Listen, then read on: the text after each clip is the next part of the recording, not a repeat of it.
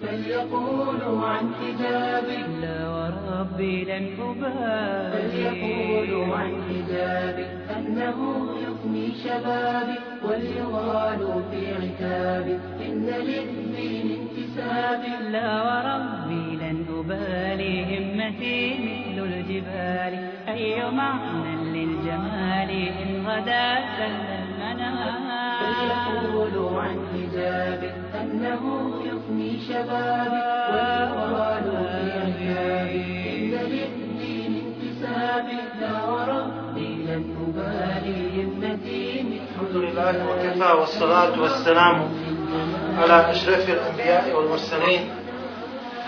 نبينا محمد وعلى آله وصحبه أجمعين. أما بعد فإن أصدق الحديث كتاب الله عز وجل. وخير الهدي هدي محمد صلى الله عليه وسلم وشر الأمور محدثاتها وكل محدثة بدعة وكل بدعة ضلالة وكل ضلالة في النار. فنسأل الله تعالى أن يحيينا على هدي كتابه وسنة رسوله صلى الله عليه وسلم. وجميع المسلمين Poštovana i draga braćo, braćo koja nas slušate također preko interneta, preko Paltolka, Assalamu alaikum wa rahmetullahi wa barakatuh. Meni je izuzetna čast da se nalazim među vama i ovaj put pa smo razmatrajući temu koju najbolje obrađivati i tretirati u ovim okolnostima u kojima mi živimo odabrali temu koja govori o Allahu subhanahu wa ta'ala ljubavi prema njegovom robu. Tačnije ona glasi kako steče Allahu subhanahu wa ta'ala ljubav. Naši ehli sunnetski učenjaci, učenjaci koji se nisu podvajali u pogledu sunneta poslanika sallallahu alaihi wa sallam, koji se nisu podvajali u pogledu same zajednice muslimana, su nas doveli svojim dokazima do saznanja kako treba steći Allahu subhanahu wa ta'ala ljubav. Oni su nam pokazali kako trebamo voljeti Allahu subhanahu wa ta'ala. Ali, nije vrhunac, kao što kaže Ibn Qayyim, da voliš Allaha subhanahu wa ta'ala. Nego je vrhunac u tome da tebe Allah subhanahu wa ta'ala nakon te ljubavi zavoli. Jer koliko ima onih ljudi koji vole određene ljude, ali ti ljudi njih ne vole. Što znači da svaki onaj koji se voli ne mora značiti da voli onoga koji ga voli. Znači, ima ljudi kojima možda vole Allah subhanahu wa ta'ala, ali ne mora značiti da je Allah subhanahu wa ta'ala njih u potpunosti zavolio. Možda ih voli djelomično. Možda ih nikako ne voli. Možda su neki iskreni u određenim djelima. Možda iskreno vole Allah subhanahu wa ta'ala, ali nisu postigli stepen mahbubije. A to je da Allah subhanahu wa ta'ala zavoli svoga roba. Ima Ibn Qayyim rahimahullahu ta'ala, pošto je on najviše pisao i govorio o tome ruhanijetu, o tim duhovnim stvarima, nas podučava i pokazuje nam puteve, putem, puteve koje mi trebamo da uzmemo kako bi zadobili Allahu subhanahu wa ta'ala, kako bi zadobili Allahu subhanahu wa ta'ala ljubav. On kaže da je tih puteva deset, kako nabraja u svojoj knjizi Medaređu Salikin. Putevi onih koji hode i koji kroče ka Allahu subhanahu wa ta'ala. Mi ćemo kasnije tih deset povoda, tih deset načina stizanja do Allaha subhanahu wa ta'ala ljubavi i njegove mahbubije. Inša Allah, ta mi ćemo kasnije o tome nešto podrobno malo više kazati, nego večeras prije svega želim da kažem nešto više o ovoj ljubavi. Imam al-Buhari i Muslim prenose od Enesa ibn Malika radijallahu anhu da je Enes ibn Malik krenuo sa Allahovim poslanikom sallallahu alaihi wa sallam da izađe iz mesđida. I na vratima mesđida, na izlazu, susretne ih jedan čovjek. I obrati se Allahovom poslaniku, alaihi salatu wasalam, i kaže mu, ja Rasulallah, mete sa'a. Allahov poslaniće, kada će sudnji dan? Pa kaže Enes ibn Malik, Allahov poslanić sallallahu alaihi wasalam je odmah pitao, وَمَا أَعْدَدْتَ لَهَا A šta si pripremio za taj sudnji čas, za sudnji dan? فَكَأَنَّ الرَّجُلَ اسْتَكَانِ Pa kaže prenosilac hadisa Enes ibn Malik, kao da je ovaj čovjek se predao. Kao da nije imao šta više da kaže. Kao da je ušutio na trenutak. Ali ipak odgovara i kaže, Ja Rasulallah, ma أعددت leha كثير صلاة ولا صيام ولا صدقة Allahu poslaniće, ja za taj sudnji čas nisam pripremio ni mnogo namaza, ni mnogo posta, ni mnogo sadake, walakinni uhibbu Allaha wa Rasula. Ali pored svega toga ja volim Allaha i njegovog poslanika. Pa je poslanik sallallahu alejhi ve sellem posle toga rekao poznate riječi fa anta ma'man ahbabta. Ti ćeš biti sa onim koga si volio. Znači, koga si volio, dragi brate, na ovome svijetu, sa njim ćeš biti na sudnjem, na sudnjem danu, sa njim ćeš biti u društvu, na budućem svijetu, na ahiretu. Kao što ćemo kasnije vidjeti da oni koji su bili odani Allahu subhanahu wa ta'ala, bili odani poslaniku alaihi salatu wasalam, koji su sprovodili Allahu subhanahu wa ta'ala propise na zemlji, da će ti biti sa šehidima, sa poslanicima, sa vjerovjesnicima, sa dobrim ljudima, sa iskrenima. A lijepo li je, lijepo li je to društvo.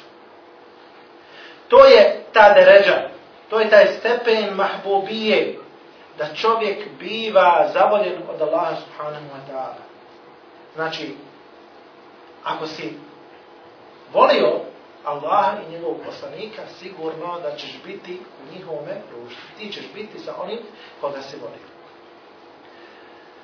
Zato se također od Denesa ibn Malika prenosi da je govorio Wallahi inni uhibbu Allahe wa Rasulahu wa Eba Bekrin wa Omer kaže tako mi Allaha i volim Allaha i volim poslanika alaih salatu wasalam i volim Ebu Bekra i volim Omera wa inni le er- erđu an ekune ma'ahum wa illam ef'al bi a'malihim i nadam se da ću biti sa njima, pa makar ne radio ono što oni radi.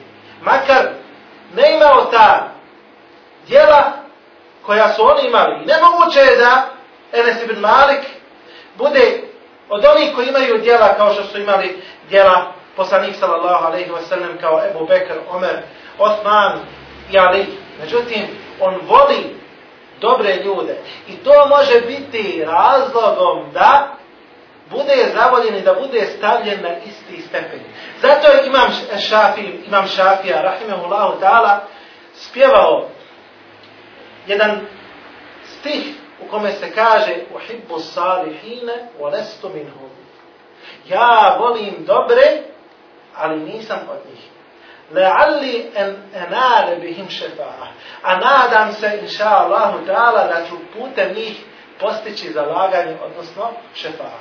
To jeste, nadam se da će Allah subhanahu wa ta'ala tim ljudima koje sam ja volio, zato što su oni voljeli Allaha subhanahu wa ta'ala, zato što su voljeli poslanika sallallahu alaihi wa sallam, zato što su se pridržavali Allahu i subhanahu wa ta'ala granica, zato što nisu prelazili Allahove subhanahu wa ta'ala zabrane, nadam se da će Allah subhanahu wa ta'ala njima dati mogućnost da se zalažu, zalažu za njega. I vama je svima poznato prema uvjerenju ehli sunneta od džemata da će šefat na sudnjem danu biti za griješnike iz ovoga ummeta. I da će se moći jedni za druge zalagati kome Allah subhanahu wa ta'ala dozvoli.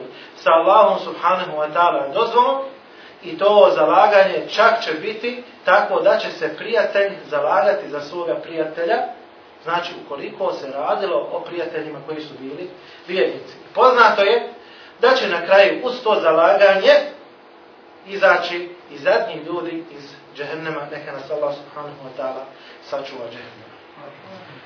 Zato, ima Ibn Qayyim, kada opisuje ove stepene ljubavi prema Allahu subhanahu wa ta'ala, kaže nije dovoljno da čovjek samo voli Allaha subhanahu wa ta'ala, nego da se popne na veći stepen, da bude zavoljen od strane Allaha subhanahu wa ta'ala, da dođe na stepen mahbubije, taj stepen je vrhunac, vrhunac ljubavi i vrhunac lijepoga našega obhođenja prema Allahu subhanahu wa ta'ala.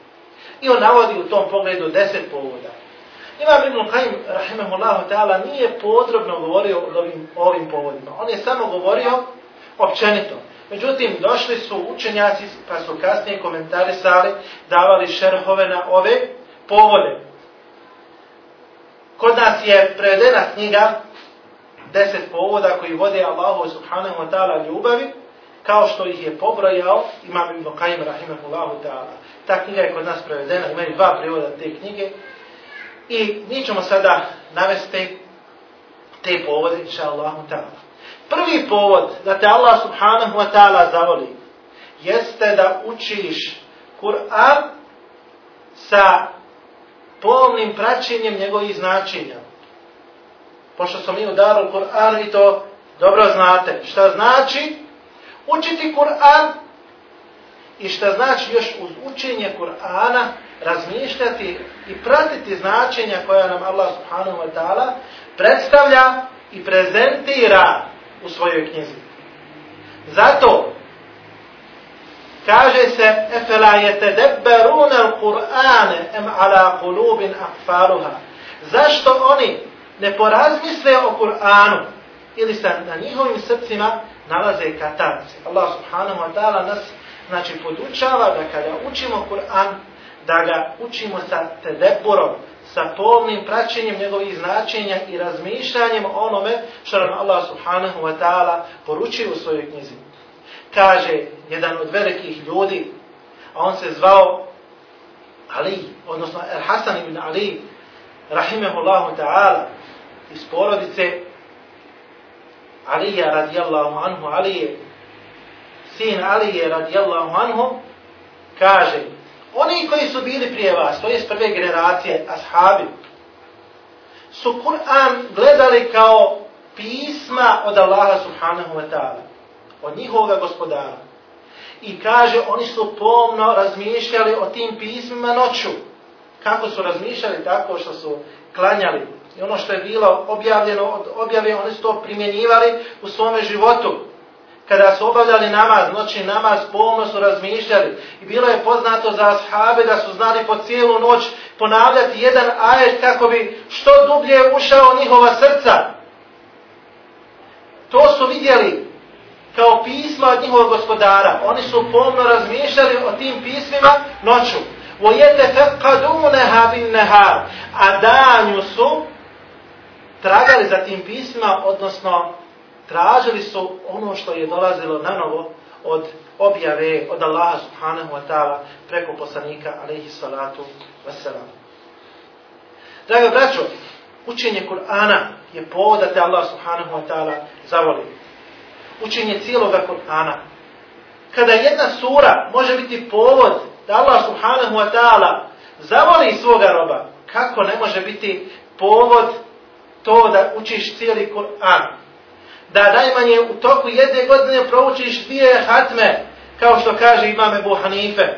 Najmanje što čovjek treba da prouči tokom jedne godine, to su dvije hatme. Najmanje minimalno, a naravno i više od toga. Jer kaže Džibril alaihi selam, prije smrti poslanika sallallahu alejhi ve sellem ispitao je poslanika sallallahu alejhi ve sellem dva puta Kur'an, to jeste dva puta ga preslušao.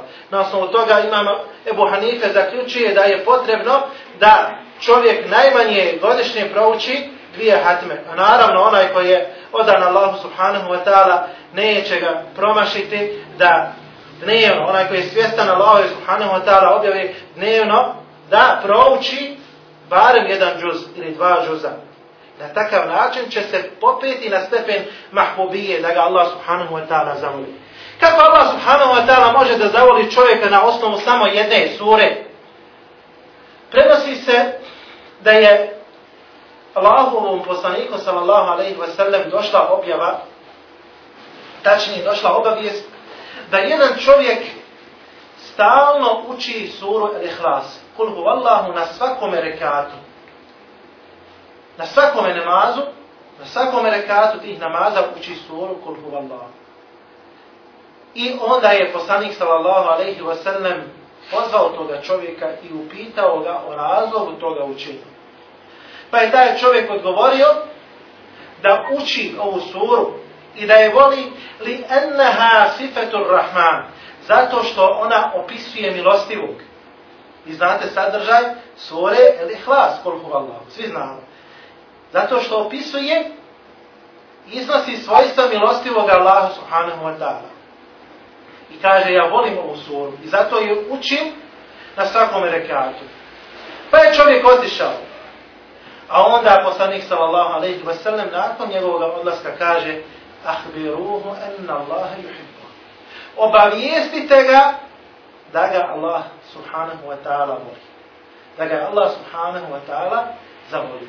Znači vidimo kako samo na osnovu jedne sure na osnovu jedne sure Allah subhanahu wa ta'ala može da zavoli svoga roba. A šta tek ako se radi o učenju cijeloga Kur'ana sa podrobnim i tačnim praćenjem značenja Kur'ana sa razmišljanjem na koje nas Allah subhanahu wa ta'ala postiče u svojoj knjizi. Drugi razlog da Allah subhanahu wa ta'ala zavoli svoga roba jeste da rob da rob vrši i obavlja na file dobrovoljna djela nakon što obavlja obavezna djela, odnosno farzove. Kad kažemo na file, ne samo na file namaza, kod nas kad se spomene na file među običnim narodom, misle da se to odnosi na namaz. Ne, na fila podrazumijeva svako dobrovoljno djelo. Od namaza, posta, borbe na Allahom subhanahu wa ta'ala putu, sve što je dobrovoljno, sadake i tako dalje. O tome poslanik sallallahu alaihi wa sallam kaže da je Allah subhanahu wa ta'ala rekao, znači u ovoj hadisi, kutsi. kaže, Men ada li valijen faqad azentuhu bil muharabe. Onaj ko ratuje protiv moga evlije, a vidjet ćemo ko je to evlija. Jesu to neki ljudi sa nekim turbanima i neki mistici sakriveni u tekijama. Ja mu najavljujem rat onome ko moga evliju ezijeti, komu nanosi uzemiravanje i koga provocira ko ratuje protiv moga vrije, ja protiv njega ratujem, ili kaže Allah subhanahu wa ta'ala, ja njega pozivam u drugoj predaji na dvoboj, kao što prenosi imam il-Bukhari i Muslim. Oma te harrebe عبدي abdi, bi šeji ne habbe ilaja mi. Moj se rob neće ničim dražim približiti, nego onim što sam mu ja propisao kao obavezno. Znači ono što ti Allah subhanahu wa ta'ala propisao kao obligatno, kao obavezno, ne možeš nikako drugo, bolje djelo uraditi draže nego što je to, onaj farz. Ona je te za, oma je zale te karrebo i lebin ne uafile hatta uhibbe. A neće se meni neprestano približavati na filama moj rob, kaže Allah subhanahu wa ta'ala, a da ga ja neću zavoljeti. Sve dok ga ja ne zavolim. A kada ga zavolim, onda postane, postanem ja. To jeste Allah subhanahu wa ta'ala, vid kojim on gleda, sluh kojim on sluša, ruka kojom on dohvata, noga kojom hoda, vola in se'eleni le utijenne. Ako me za nešto zamoli, ja ću mu to sigurno dati. Vola in iste'adeni le oidenne. Ako od mene nešto zatraži u vidu utočišta, ja ću mu to utočište pružiti. Allah subhanahu wa ta'ala ovdje u ovoj hadisi kod si navodi da Allah subhanahu wa ta'ala postane sluh. Kažu učenjaci, ne misli se potim na utjelovljenje kao što misle hululije i oni panteisti. Da se Allah subhanahu wa ta'ala utjelovi u čovjeka. Da postane dio čovjeka. Ne. Nego Allah subhanahu wa ta'ala kažu komentatori ovog hadisa da čovjeku posebnu volju i želju za dobro.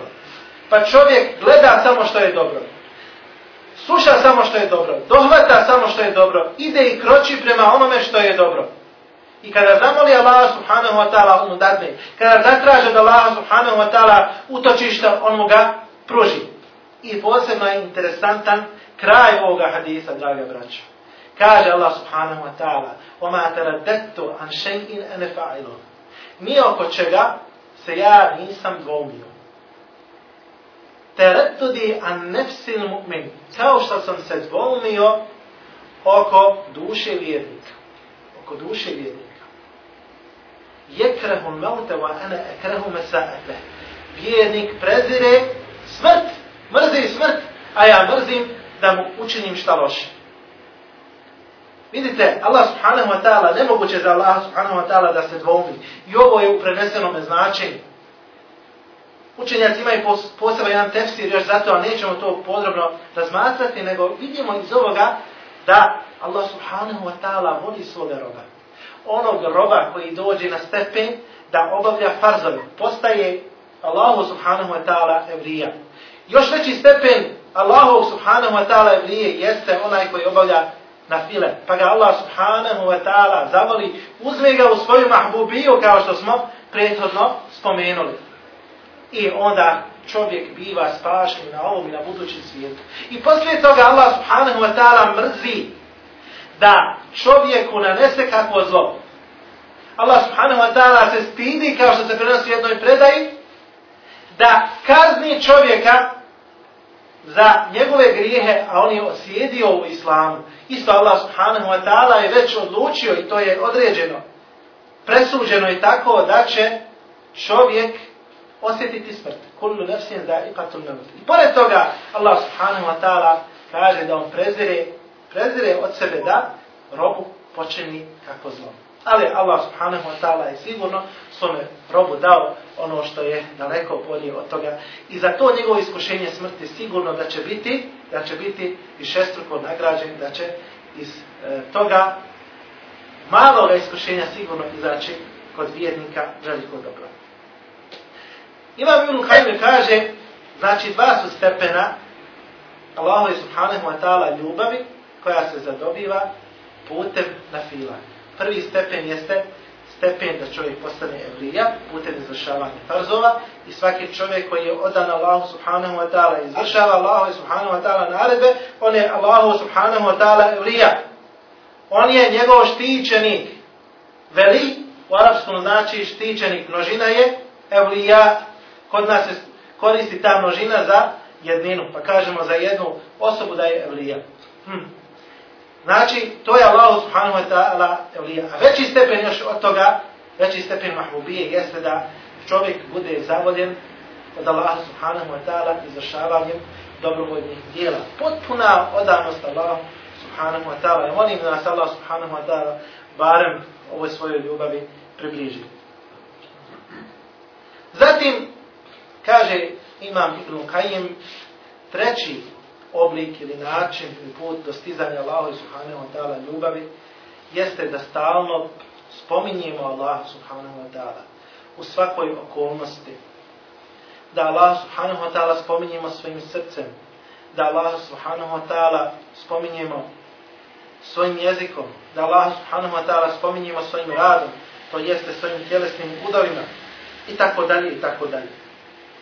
I čovjek izvršavanjem onoga što je Allah subhanahu wa ta'ala naredio, postiže taj stepen opet mahbubije putem zikra Allahu subhanahu wa ta'ala. Kaže poslanik sallallahu alaihi wa sallam, rekao je Allah subhanahu wa ta'ala, ene ma abdi ma zekerani, ja sam sa svojim robom dok me on spomini. Wa teharreket bi šefeta i sve dok se njegove usne pomiču dok mene spominju. Znači, ja sam sa svojim robom dok me spominje i dok se njegove usne pomiču mene spominjući, kaže Allah subhanahu wa ta'ala. Isto tako, u hadisu se navodi da je poslanik sallallahu alaihi wa sallam rekao sebe kal muferridun. Prestigli su oni muferridi. Pa su pitali ljudi Allahu poslaniće, a ko su to muferridun? Pa je rekao zakirin Allaha kathiran wa zakirat. Oni koji mnogo spominju Allaha subhanahu wa ta'ala i one, to jeste žene, koje mnogo spominju Allaha subhanahu wa ta'ala. Isto tako, jedan od ljudi ko nije, koji nije imao velika djela, došao je kod poslanika sallallahu alaihi wa sallam i rekao Ja Rasul Allah, inna šarai al islami kad kethoret. Mnogo je propisa već koji su došli putem islama. Ukaži mi na nešto čega ću se ja posebno pridržavati.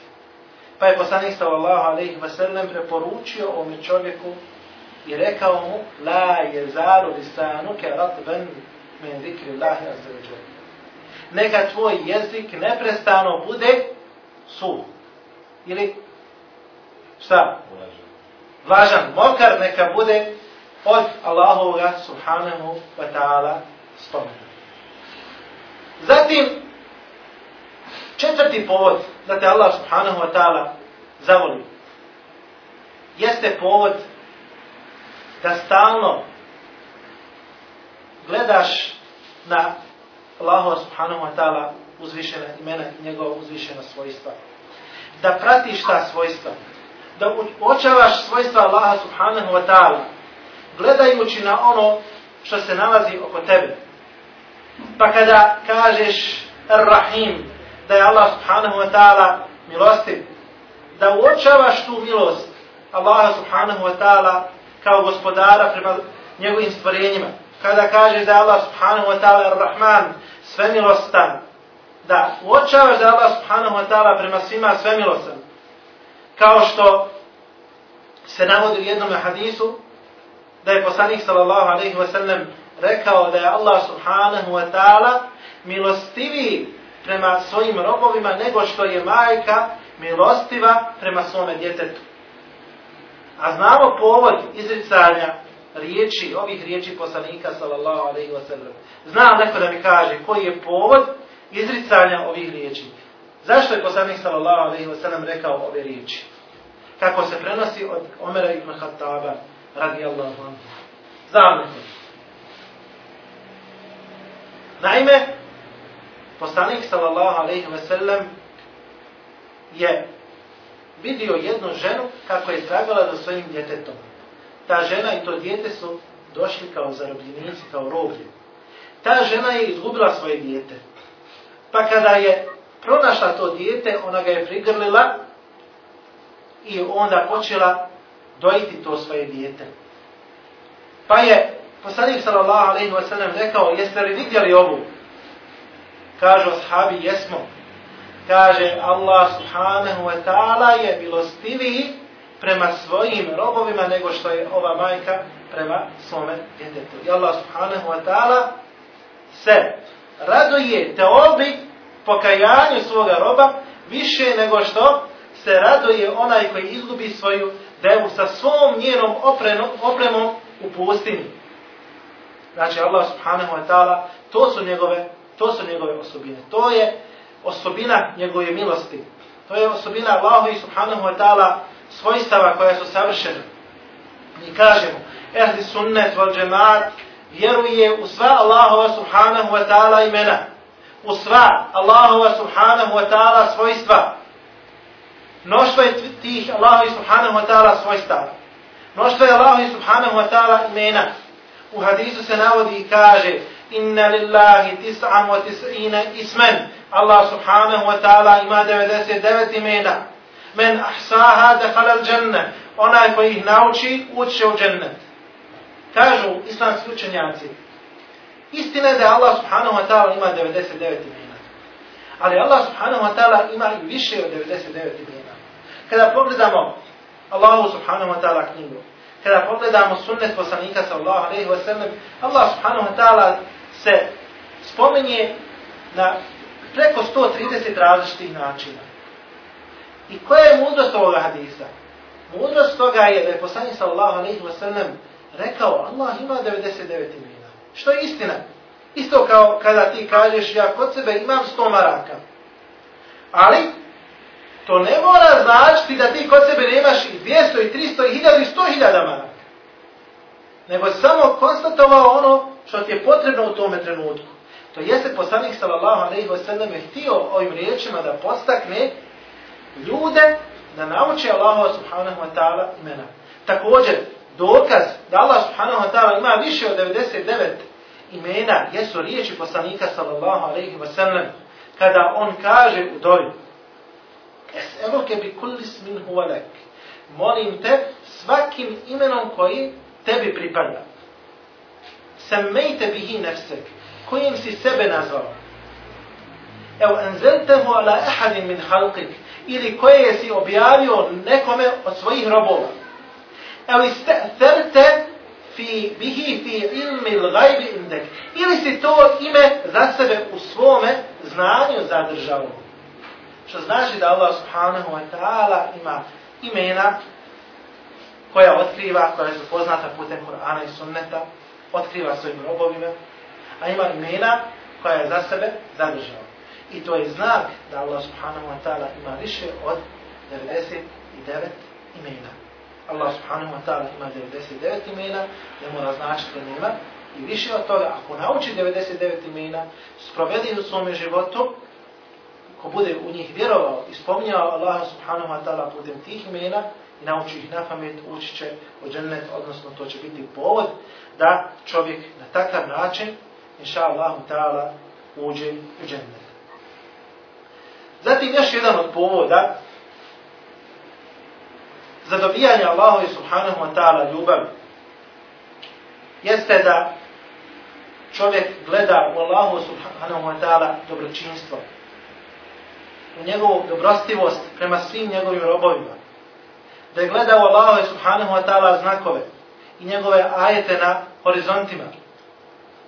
Da bude zahvalan Allahu subhanahu wa ta'ala na njegovom dobročinstvu i na njegovim blagodatima.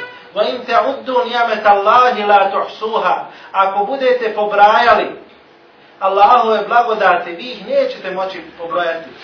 Koliko je, draga braćo, samo blagodati koje mi kod sebe imamo, koje mi uočavamo, pa kada izgubimo jednu od malih ti blagodati, kada se na našoj koži pojavi jedna mala rana ili jedan mali čir, koliko to nas boli, i tada tek uočavamo, tada tek uočavamo kolika je Allah subhanahu wa ta'ala blagodat prema nama i koliko milijardi blagodati ima na samim nama, Ali koliko je još blagodati koje nas okružuju u našoj bližoj i široj okolini u ovome kosmosu, to je nepobrojivo. Kao što je nepobrojiva i nesaglediva Allahova subhanahu wa ta'ala milost.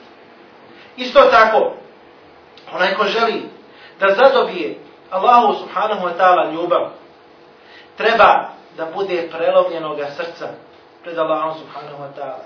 Da bude skrušen pred Allahom subhanahu wa ta'ala. Isto onako kao što će glasovi na sudnje dano biti skrušeni pred Allahom subhanahu wa ta'ala. Wa الْأَصْوَاتُ al-aswatu lir-rahmani fala tasma'u illa. I glasovi će se skrušiti pred Allahom subhanahu wa ta'ala pred milostivim i više se ništa neće čuti osim šapata. Isto tako naša srca trebaju da budu skrušena pred Allahom subhanahu wa ta'ala. Pogledajmo samo skrušenost prvih generacija ashaba.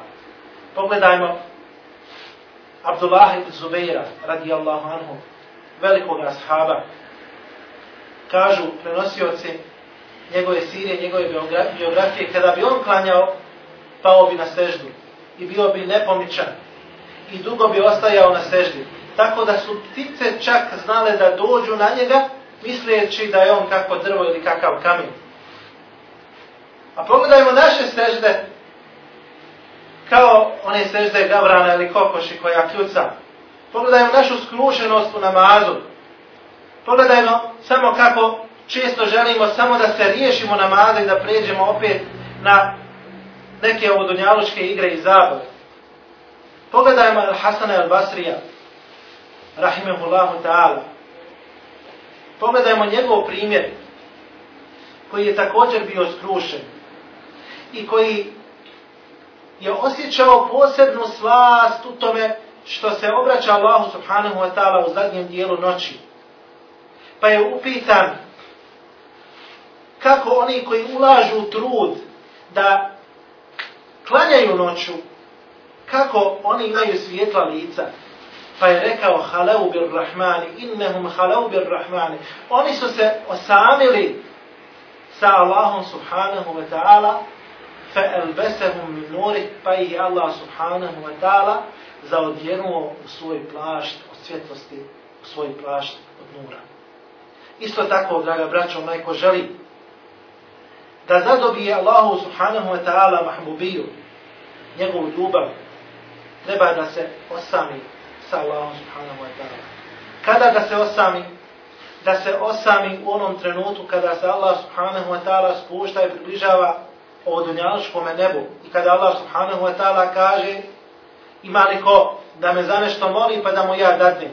Ima li ko da od mene oprosta tražim pa da mu ja oprostim. To su ti trenuci osamljivanja sa Allahom subhanahu wa ta'ala. Ti trenuci su veoma važni za jednog čovjeka.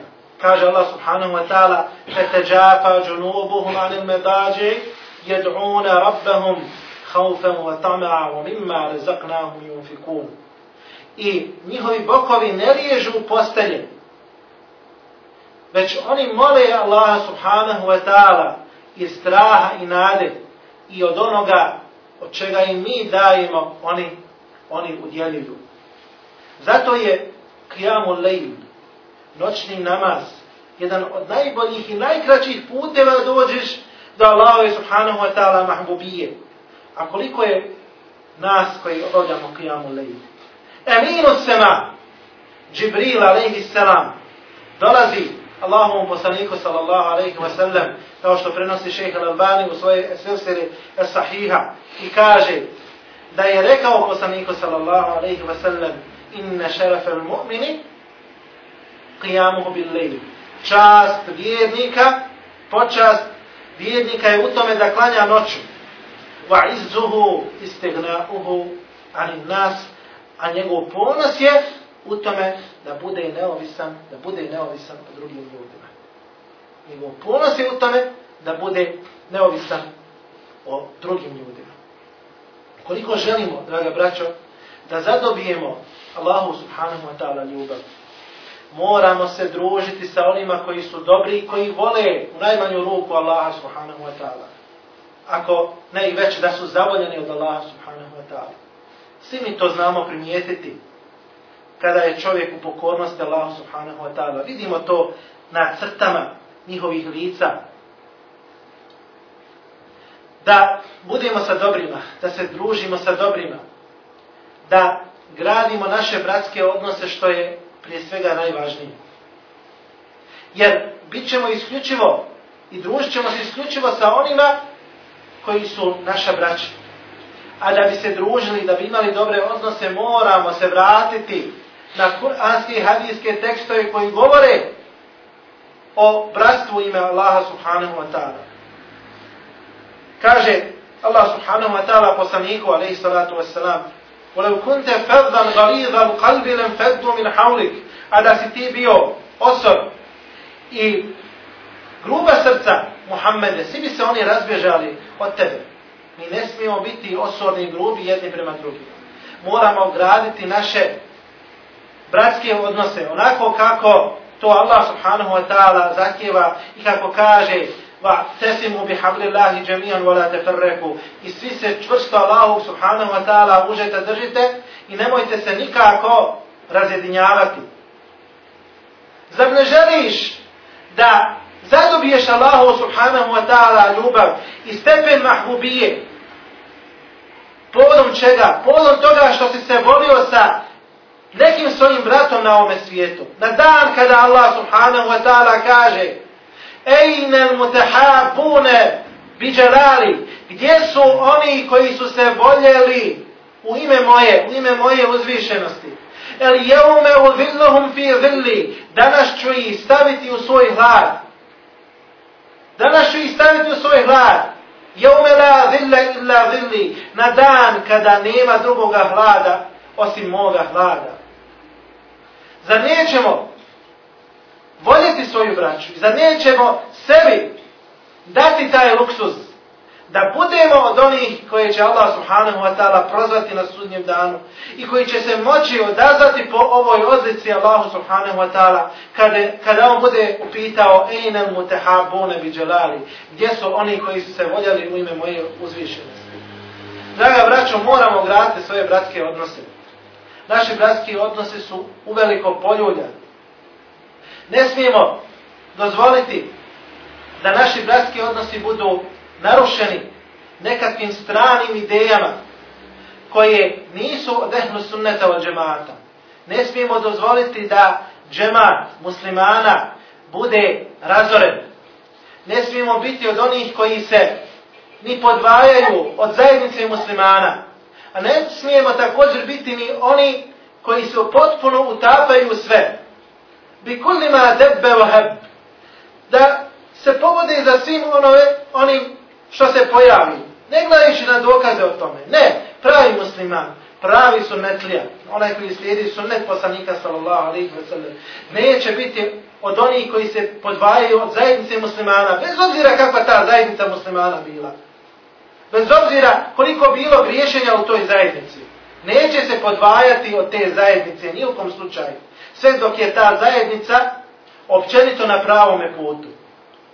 A neće se ni približavati na takav način da se utapaju u one stvari koje nisu od Allahove subhanahu wa ta'ala vjere i sunneta poslanika sallallahu alaihi wa sallam. I vjerujte, ovo je pravi i pravični put i pravedni odnos prema svim onim koji se nalaze sa strana. Zar poslanik sallallahu alaihi wa sallam nije povukao crtu i rekao ovo je Allahov pravi put i sa strane je nacrtao druge crte i rekao ovo su stramputice na svakoj od tih stramputica stoji šeitan koji poziva u tu stramputicu. Pa je proučio an hada sirati mustaqiman fattabi'uh i ovo je moj jedini pravi put pa se njega držite, a nemojte slijediti stramputice pa ćete zalutati sa Allahom subhanahu wa ta'ala puta. Mi moramo znati koliko je važno da izgradimo svoju bratsku ljubav. Da zavolimo one koji vole Allaha subhanahu wa ta'ala. Ne smijemo sebi dozvoliti ni svojim srcima, to će biti E, povod da propadnemo, da zavolimo druge koji ne vole Allaha subhanahu wa ta'ala i da njima dajemo prioritet i da njima dajemo prednost u odnosu na one koji vole Allaha subhanahu wa ta'ala. Pogledajmo samo šta poslanik sallallahu alaihi wa sallam kaže. Najbolji čovjek kod Allaha subhanahu wa ta'ala je onaj koji je najkorisniji drugim ljudima koji je najkorisniji drugim ljudima. Musliman je takav da otklanja nedaću od svoga brata muslimana. Da ukoliko je gladan, nahrani ga. Ukoliko se nađe u nekoj nedaći, da mu pokuša pomoći. I kaže poslanik sallallahu alaihi wa sallam da sa svojim bratom muslimanom idem radi neke njegove potrebe draže mi je nego da u ovom svome mesđidu u džami provedem mjesec dana u itikafu. Pogledajte samo riječi poslanika sallallahu alaihi wa sallam. Znači šta znači pomoći brata muslimana? Bolje ti je provesti nekoliko trenutaka sa bratom muslimanom radi neke njegove potrebe nego mjesec dana biti u itikafu, a svi mi znamo šta je to itikaf i koliko je tegoba potrebno za to. Zato lakše ti je da prekratiš taj put, da nađeš Znači, prečicu do cilja, a to je da pomogneš svome bratu i da time zadobiješ, zadobiješ ono što je najdraže Allah subhanahu wa ta'ala.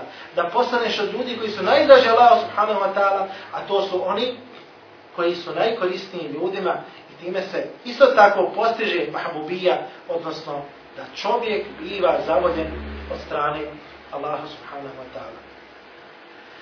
Čovjek zadobija Allahu subhanahu wa ta'ala ljubav također što se udaljava od svakoga povoda koji stoji između Allaha subhanahu wa ta'ala i njegovih stvorenja.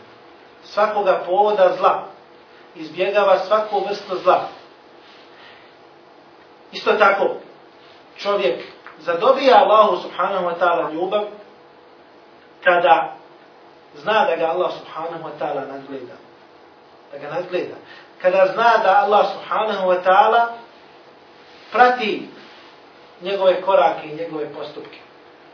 Kada čovjek zna da Allah subhanahu wa ta'ala će ga sankcionisati i kazniti ukoliko je bio njemu nepokoran. Ili u najmanju ruku da na tim čovjekom stoji prijetnja od Allaha subhanahu wa ta'ala ukoliko radi grije. I zato Allah subhanahu wa ta'ala kaže Ja ejuha ladina amenu takullah, o vjernici, bojte se Allaha. I neka svaka duša gleda ono što je pripremila za sutra. To jeste što je pripremila za sudnji dan. I bojte se Allaha, jer će vas Allah obavijestiti o onome što vi činite. I kaže Allah subhanahu wa ta'ala, kad efleha men zekaha, uspio je onaj koji pročisti svoju dušu. To jeste koji se riješi svakoga povoda, povoda zla koji stoji između njega i Allaha subhanahu wa ta'ala. I to bude razlog da ga Allah subhanahu wa ta'ala zavoli.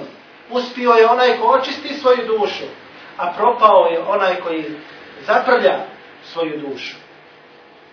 I zato poslanik sallallahu alejhi wa sallam kaže el kejis, el kejis, pametan, inteligentan, to jeste onaj čovjek koji zna ono što hoće i zna posljedice onoga, pozitivne posljedice onoga što traži, je onaj koji se pouzdao Allah subhanahu wa ta'ala, koji se pripremi za svoje djelo. A propao je onaj čovjek koji se nada od Allaha subhanahu wa ta'ala da će mu Allah subhanahu wa ta'ala oprostiti i ulaže lažne nade u oprost od Allaha subhanahu wa ta'ala, polaže nada da će mu Allah subhanahu wa ta'ala oprostiti, a uopće nema razloga da mu Allah subhanahu wa ta'ala oprosti. Zato Allah subhanahu wa ta'ala kaže Inna Allahe na al muhsinin. Allah je sa dobročiniteljima. I ona, bra, uh, oni ljudi, drage braćo, oni koji griješe, oni koji griješe, ne mogu se opravdavati ovim riječima i govoriti Allah je sa dobročiniteljima. Ja sam dobar. Allah subhanahu wa ta'ala je sa dobročiniteljima. Jeste, ti si možda dobar u svojim postupcima, kao što su dobri i neki nevjernici, jer imamo nevjernika koji su dobri u svojim postupcima. Ali Allah subhanahu wa ta'ala traži od tebe djelo, djelo iskrenosti, djelo pokornosti njemu, kojim ćeš zadobiti ljubav od Allaha subhanahu wa ta'ala i to će biti povod da te Allah subhanahu wa ta'ala pomogne na ovome svijetu i da te spasi na budućem, na budućem svijetu. Zato, Drage braćo, ne bih odužio. Molim Allah subhanahu wa ta'ala da nas sačuva svakoga povoda propasti. Molim Allah subhanahu wa ta'ala da nam dadne ove povode ljubavi. Molim Allah subhanahu wa ta'ala da postignemo deređetul mahbubije, stepen ljubavi na kojim nas Allah subhanahu wa ta'ala zavoli Molim Allah subhanahu wa ta'ala da nam oprosti naše grijehe i da nam ukaže pravi put. Wa ahiru da'vana. Alhamdulillahi rabbil alamin. Sallallahu ala rasulina Muhammed wa ala alihi wa sahbihi ajma'in.